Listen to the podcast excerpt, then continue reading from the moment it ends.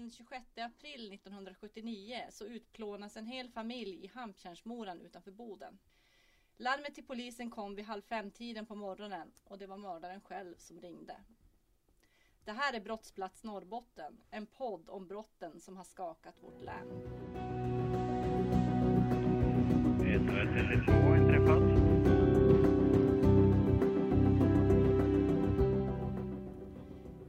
Linda Kask och är reporter på NSD och Kuriren och med mig idag så har jag min kollega Tommy Lundqvist, kriminalreporter sedan 20 år tillbaka.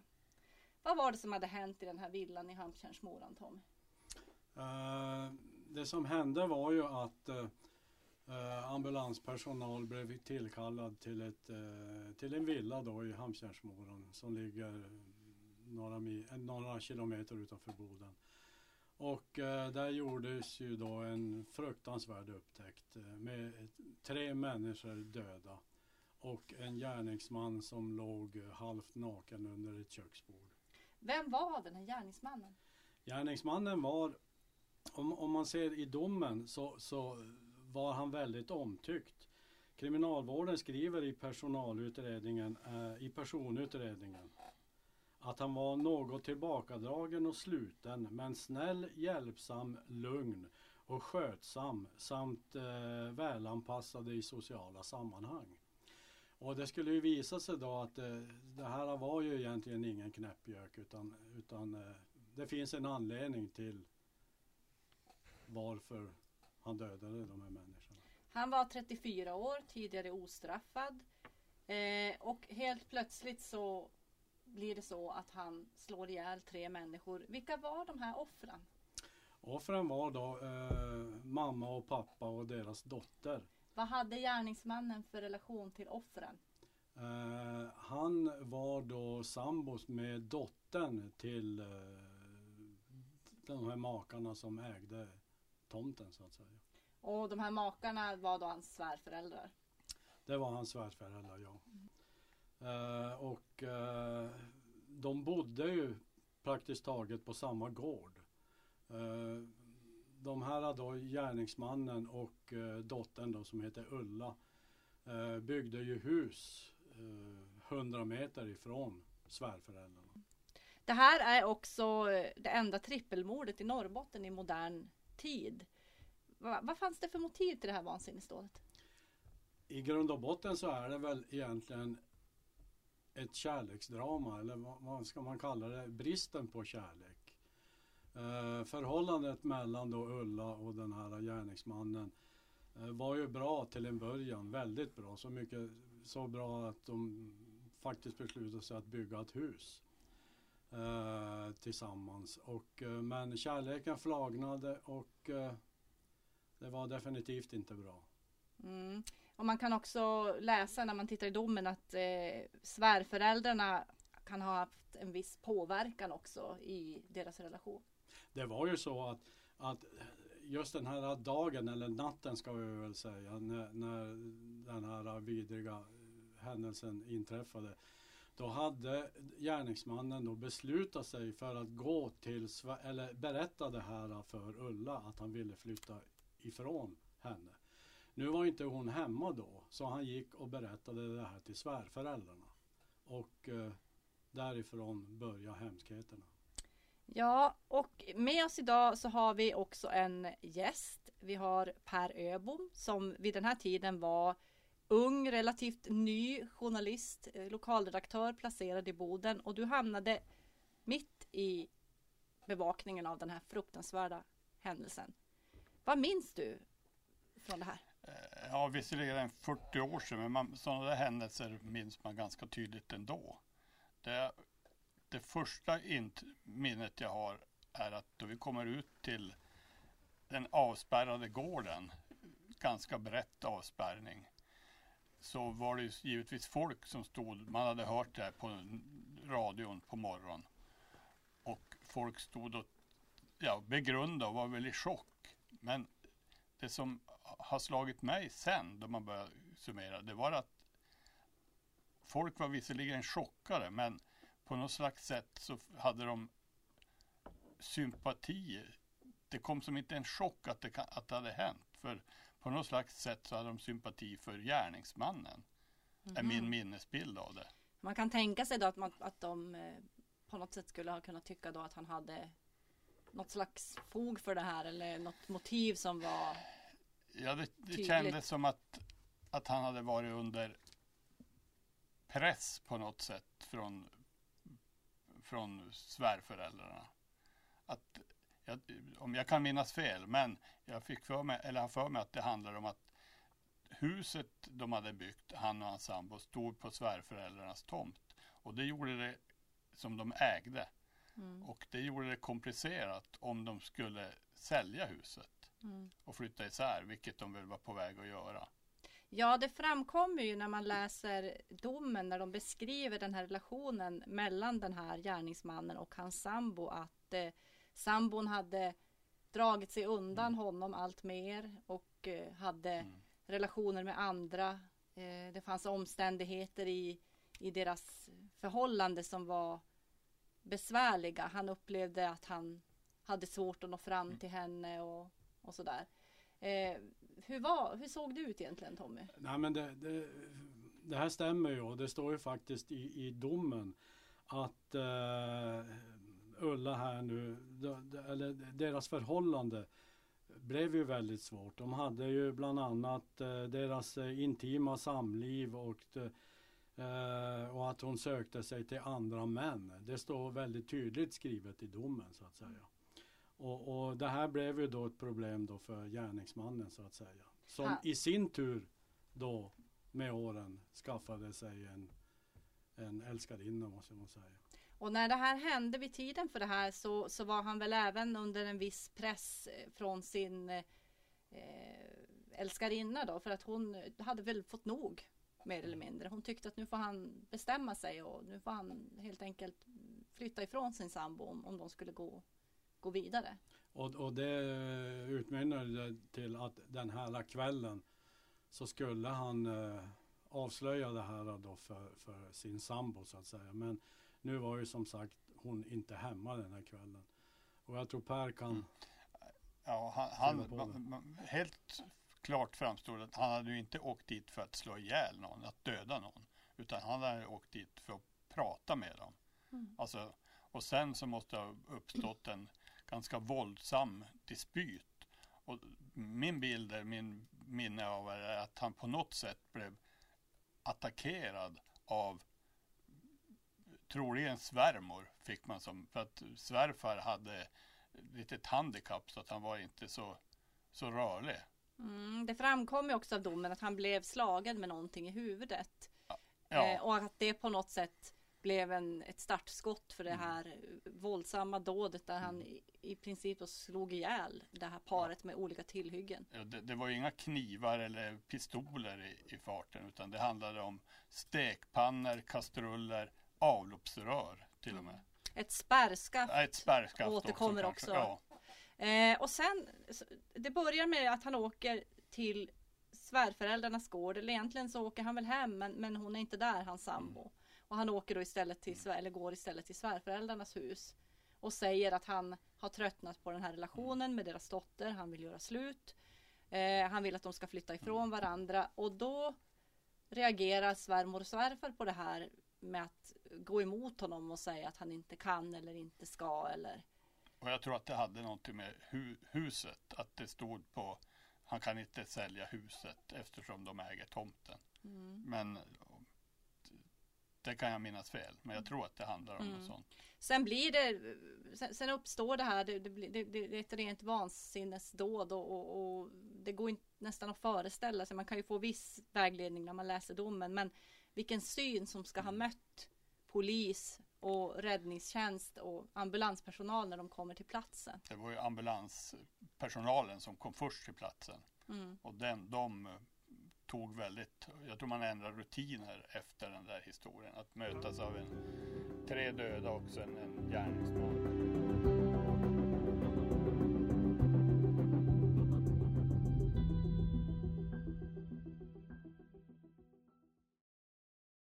Det stannar ju inte här då vid att svärmor och svärfar fick eh, sätta livet till på ett fruktansvärt sätt utan han hade ju också den här natten tog han ju också livet av, av sin sambo. Hur, hur gick det till? Tommy? Eh, vi kan väl backa bandet lite grann för att och här får Per rätta oss om, om vi har fel men att, att eh, han gick till svärföräldrarna för att berätta att han skulle flytta isär eller att han skulle ja, flytta isär från sin sambo. Och det där togs ju inte emot väl utav föräldrarna. Och i alla fall så det finns ett embryo till det här i domen. Att han ska ha fått ett slag i huvudet. Och att han har ramlat ihop och eh, där, efter det så är, har han ju lite vaga minnesbilder. Vad jag kan tycka det är kon, som är konstigt i det här det är att han kan väldigt noga beskriva hur han slog ihjäl makarna Nilsson. Alltså svärmor och svärfar. Mm. Men han kommer inte ihåg hur han har hanterat Ulla, så att säga. Sin, sin sambo. Det, är en ganska, om, jag tror att det är en ganska lång tidsperiod också från han åker dit. Mm. Jag har inget, men jag, det, det, var på kvällen alltså han åkte dit. Och lär, SOS fick ju samtalet var det klockan fem, fem på morgonen. Ja, halv sånt fem ungefär. Ja, mm. Så att han slog väl ihjäl svärmor och svärfar och sen gick tiden och sen kanske efter midnatt någon gång då har han väl suttit i någon slags i chock, förvirring och, och sen kommer Ulla dit, sambon. Ja, ja, så... Och då går han och hon undrar väl vad han har gjort. Mm. Och då slår han ihjäl henne. Jo. Men det var inte heller att han har suttit och väntat på henne för att slå ihjäl henne. Utan det, det blev bara att han, han har inte... Sen, det som också kom, jag kommer ihåg det är att samtalet till då han ringer och berättar vad som har hänt. Det är väldigt långt innan han får fram vad som har hänt. Han ringt, ringer inte och säger att jag har dödat tre personer, kom hit. De fick, det är en stak, han stakar sig fram hela tiden där han förklarar vad som hänt och var det är. Mm. Ja, för att det, det, det står det han säger i domen, det vi faktiskt kan läsa. Men det är ju som sagt hans historia. Han berättade att, att svärföräldrarna, efter, efter han hade fått ett slag i huvudet så tog svärföräldrarna tillflykten till garaget. Och där slog han då ihjäl eh, först svärfar och eh, sedermera då även svärmor. Sen har han suttit i en soffa i garaget och, och då begrundat på något sätt vad han har gjort. Sen hör han en bil komma utanför på, på gården. Och eh, han hör hur en person kliver ur och går in då i, i eh, makarnas hus så att säga. Och då följer han efter. Men Per, alltså det här måste ju verkligen ha slagit ner väldigt hårt. Alltså det här var ett, alltså på den tiden de beskriver det som en by. Idag är det ju ett, ett bostadsområde, villaområde mm. utanför Boden. Eh, men det måste ju ändå ha varit en en plats där människor kände varandra väl. Eh, och så, så vitt jag kan förstå också så är den här familjen eller de här makarna Nilsson, de var också välkända eh, i bygden. Eh, så. Vad, hur, hur, hur var liksom stämningen efter det här? Ja, som jag sa tidigare så klart folk var i chock men på något sätt, konstigt sätt så, mm. så var det som att en del nästan sa att ja, vi har som, det här har man väntat på. Mm. Att de var inte så förvånade att de råkade. För att så här efteråt kan man säga att jag fick den bilden att de inte hade varit så hyggliga med han. Nej. Att han hade känt sig taskigt behandlad av svärföräldrarna. Alltid. Mm. Och att mm. de inte hade kanske så många vänner. Nej, just det. Men hur var det att, att vara på plats? Jag tänker att det borde ha varit ganska stort medieuppbåd kring det här. Minns du det? Ja, nog var det medieuppbåd, men det hade nog varit större idag än, än, än det var då. Men norrländskan lokal var där och tv var, säkert, var där och mm. radio var ju säkert där. Mm. Kanske någon av kvällstidningarna också var där. Mm. Men det var ju bara ett, ett avspärrning runt ett hus. Mm. Jag har för mig att det fanns någon slags ladugårdsbyggnad på tomten mm. också. Man kan ju också se de här äh, gamla tidningsartiklarna som vi har bläddrat i lite grann. Äh, hur ni försöker att lägga lite pussel här och, och hitta en, en bakgrund och mm. försöka förklara hur det kommer sig att en till synes oförarglig, tidigare ostraffad, lugn, stillsam, relativt ung också man. Han, han var kanslist till yrket beskrivs det i domen här. Plötsligt tappar Mm. allt och begår ett bestialiskt våldsdåd. Mm. Hur, hur är det möjligt? Vad säger du Tommy? Det står ju i domen eh, väldigt kortfattat egentligen att eh, den här mannen har begått det åtalade gärningen under inflytande av sinnessjukdom.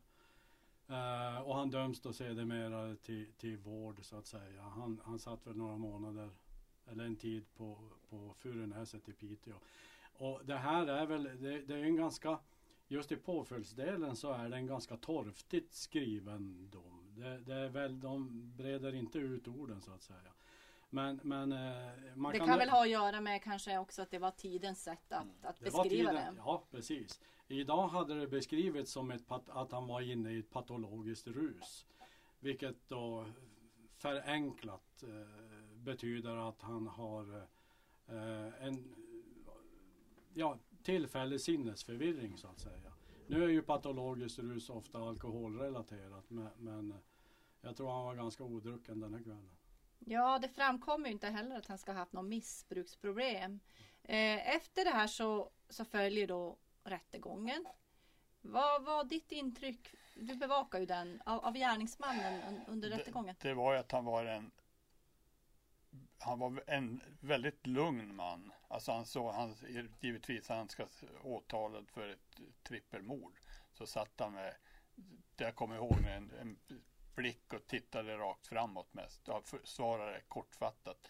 Men det som jag kommer ihåg av den var att de hade ett karaktärsvittne av en kamrat till han som han hade spelat tennis med. Och de frågade då om han, hur ofta han brusade upp. Och då sa kamraten att det gjorde han aldrig på tennisbanan. Han, han var alltid så lugn. Han blev aldrig arg. Och då kan man tänka sig, vad är det som får honom att göra, bli så här? Tappa alla spärrar går. Och det är något jag personligen har tänkt på den här historien sen. Kan man bli så där att först går säkringen och sen går huvudsäkringen och sen går huvud, huvudsäkringen till huvudsäkringen. Att man, om man någon gång blir så pro, hårt provocerad, kan det hända alla människor? Kanske. Det är en skrämmande tanke. Ja. Men man tänker, det här är liksom en person som antagligen har passerat väldigt obemärkt förbi. Han har Ja. liksom säkert inte haft många fiender. Han har varit lugn, skötsam, gjort Mm. det han ska. Mm. Eh, hans enda problem då kan man säga var att han levde i en mycket olycklig Ja. relation. Och som då sedermera urartade totalt. Han såg ut som den tjänsteman han var, om man får säga så. Ja,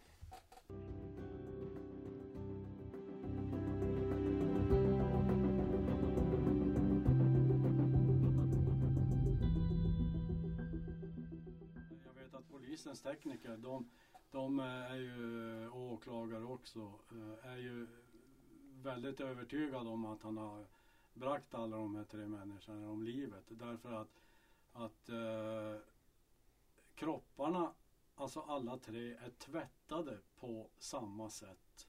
mm. Eh, vilket då sammankopplar de tre brottsoffren så att säga. Det, det finns ju detaljer i det här också som är väldigt obehagliga. De har beskrivit eh, hur, hur mycket blod det var, blodspår och avtryck från träskor. Och det pratas mycket om att han bytte skor från nya träskor till gamla träskor och, och, och, och så här. Eh, och sen när allt det här är över så, så, så gömmer han sig under ett köksbord. Eller gömmer sig, han, han lägger sig under ett köksbord. Han påträffades så utav ambulanspersonal. Men det var, han, han hade i vart ändå haft mod eller tanke att ring, kunde, kunde ringa efter Mm. hjälp, så Mm. att säga. Mm. Det var han själv som, Mm. han, hade, han hade ju inte stuckit ifrån platsen på något sätt. Utan han ringer, fast det är ett, ett, kanske ett timslångt samtal. Man får inte bilden av att det här är någon storvuxen och atletisk person heller. Och det kanske du också minns Per, att han kanske inte var det. Nej, allmän byggd Ja. om jag ska säga. Det är ju lite svårt att, förstå hur, hur han har förmått. Mm. Hur han har kunnat uppbåda styrkan att göra det här med tanke på att han faktiskt inte Mm. har haft några riktiga vapen utan bara tillhyggen. Men det, de säger ju att man kan få krafter i vissa situationer. Om man ska rädda någon exempelvis Mm. så kan man bli starkare än vad man är. Mm. Och sen är det här att det var sönderslagna plättlaggar eller stekpannor. Mm. Det krävs lite grann att slå sönder ett skaft för en sån. Och det, att slå någon med ett avloppsrör är inte heller. Ja, Mm. det var väldigt mycket blod på, på bilder kommer jag ihåg. Mm. Eh, Så var under rättegången som visades under rättegången. Hur, hur påverkades samhället av den här händelsen skulle du säga Per? Jag tror inte att samhället påverkades så mycket. Det var nog mer på hans arbetsplats. Där pratades det väldigt mycket. De vi hade kontakt med. Alltså chock, förvåning. Och sen då han då ganska snabbt kom ut, rädslan. Samtidigt som de förstod att han var en innerst inne en hygglig, bra människa. Mm. Men att, att det påverkade Bod eftersom det klarades ju upp. En sak hade varit om, man- om de hade hittat stöda, om man hade fått söka gärningsmannen någon, en vecka eller så. Då kanske det hade pratats mer om det. Mm. Det var bara att det klarades ju upp samtidigt som samma dag Mm. på en gång helt enkelt. Mm.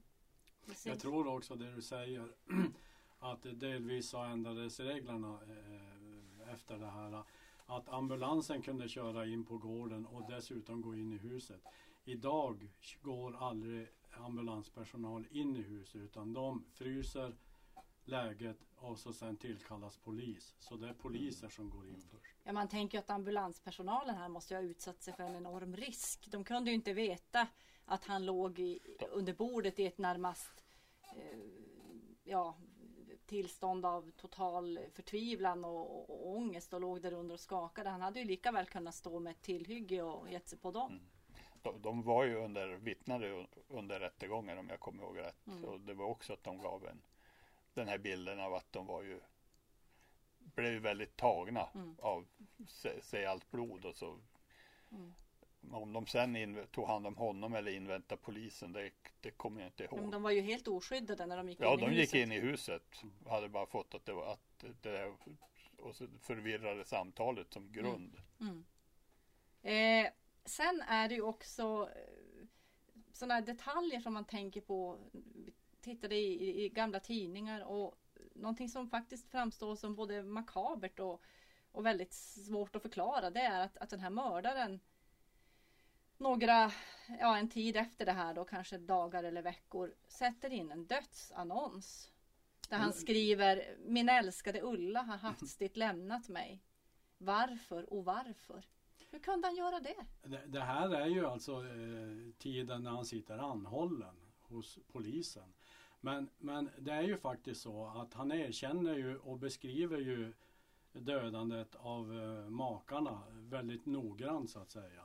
Han har ju aldrig egentligen erkänt att han har slagit ihjäl sin sambo. Även om det är så att han förstår själv att det är han som måste ha gjort det. Men han har inget minne av det. Nej, han kommer helt enkelt inte ihåg själva Han, han kommer inte ihåg mördandet av sambon. Däremot makarna kommer han ha väldigt detaljerade uppgifter hur han gick tillväga. Mm. Så det kan för honom ha varit rätt logiskt att sätta in den här dödsannonsen. Att han faktiskt kände att han hade förlorat sin, sin livskamrat här. Och, Ja, jag, jag tvivlar inte alls på att han sörjde henne mm, på något sätt. Egentligen. mm. Men eh, det här var som sagt väldigt uppmärksammat. Det är också någonting som, jag, som, som en del, åtminstone äldre bodensare nog kan dra sig till minnes. Och du var ganska ung då också Per som, och ny som journalist och sådär. Hur, hur påverkade det här dig?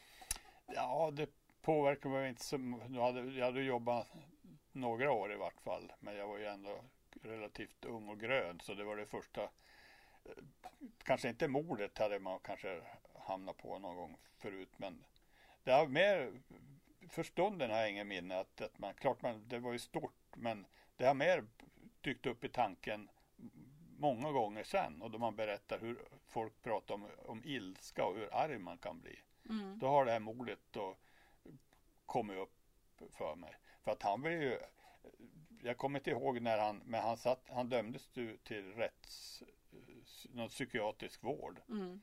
Men han blev ganska snabbt friskförklarad och kom ut i samhällslivet och gick tillbaka till sitt gamla jobb. Oj. Så han, han kom ut och fortsatte sitt liv som en, en vanlig medborgare? Ja. Sen vet jag inte hur det är. Jag tror att han flyttade från orten men det har jag, det, den kollen hade vi aldrig. Jag, jag vet att folk på hans arbetsplats som vi hade kontakt med i, i, i jobbet så att säga, inte för att fråga om han, kunde Mm. berätta att de tyckte, kunde tycka att det var lite otäckt ibland att Mm. möta honom ensam. Fast man visste att han var ju en jättelugn och trevlig person. Mm. Men han kan ju bli arg en gång till om det händer någonting. Ja, det är så man tänker lite grann. Men de måste ju någonstans ha... Och det talar väl för den här teorin om att det skulle ha rört sig om ett patologiskt rus. Att man bedömde att han vid det här tillfället var under en sån påverkan att han var kapabel att göra det här. Men sen när det här då var över och han fick vård så ansågs han vara då tillräckligt frisk och stabil för att släppas ut. Även om det för en lekman framstår som nästan lite ofattbart att, att han någonsin skulle kunna återhämta sig och leva i- som en normal person i ett Men samhälle. det gjorde han. Ja, jag tror att vi kan säga att det var allt för den här gången. Och vi vill tacka Per för att du var med och delade med dig av dina minnen från den här händelsen. Ni kan lyssna på Brottsplats Norrbotten podden på kuriren.nu och nsd.se. Vi hörs. Hej då! Ännu ett eller två har inträffat.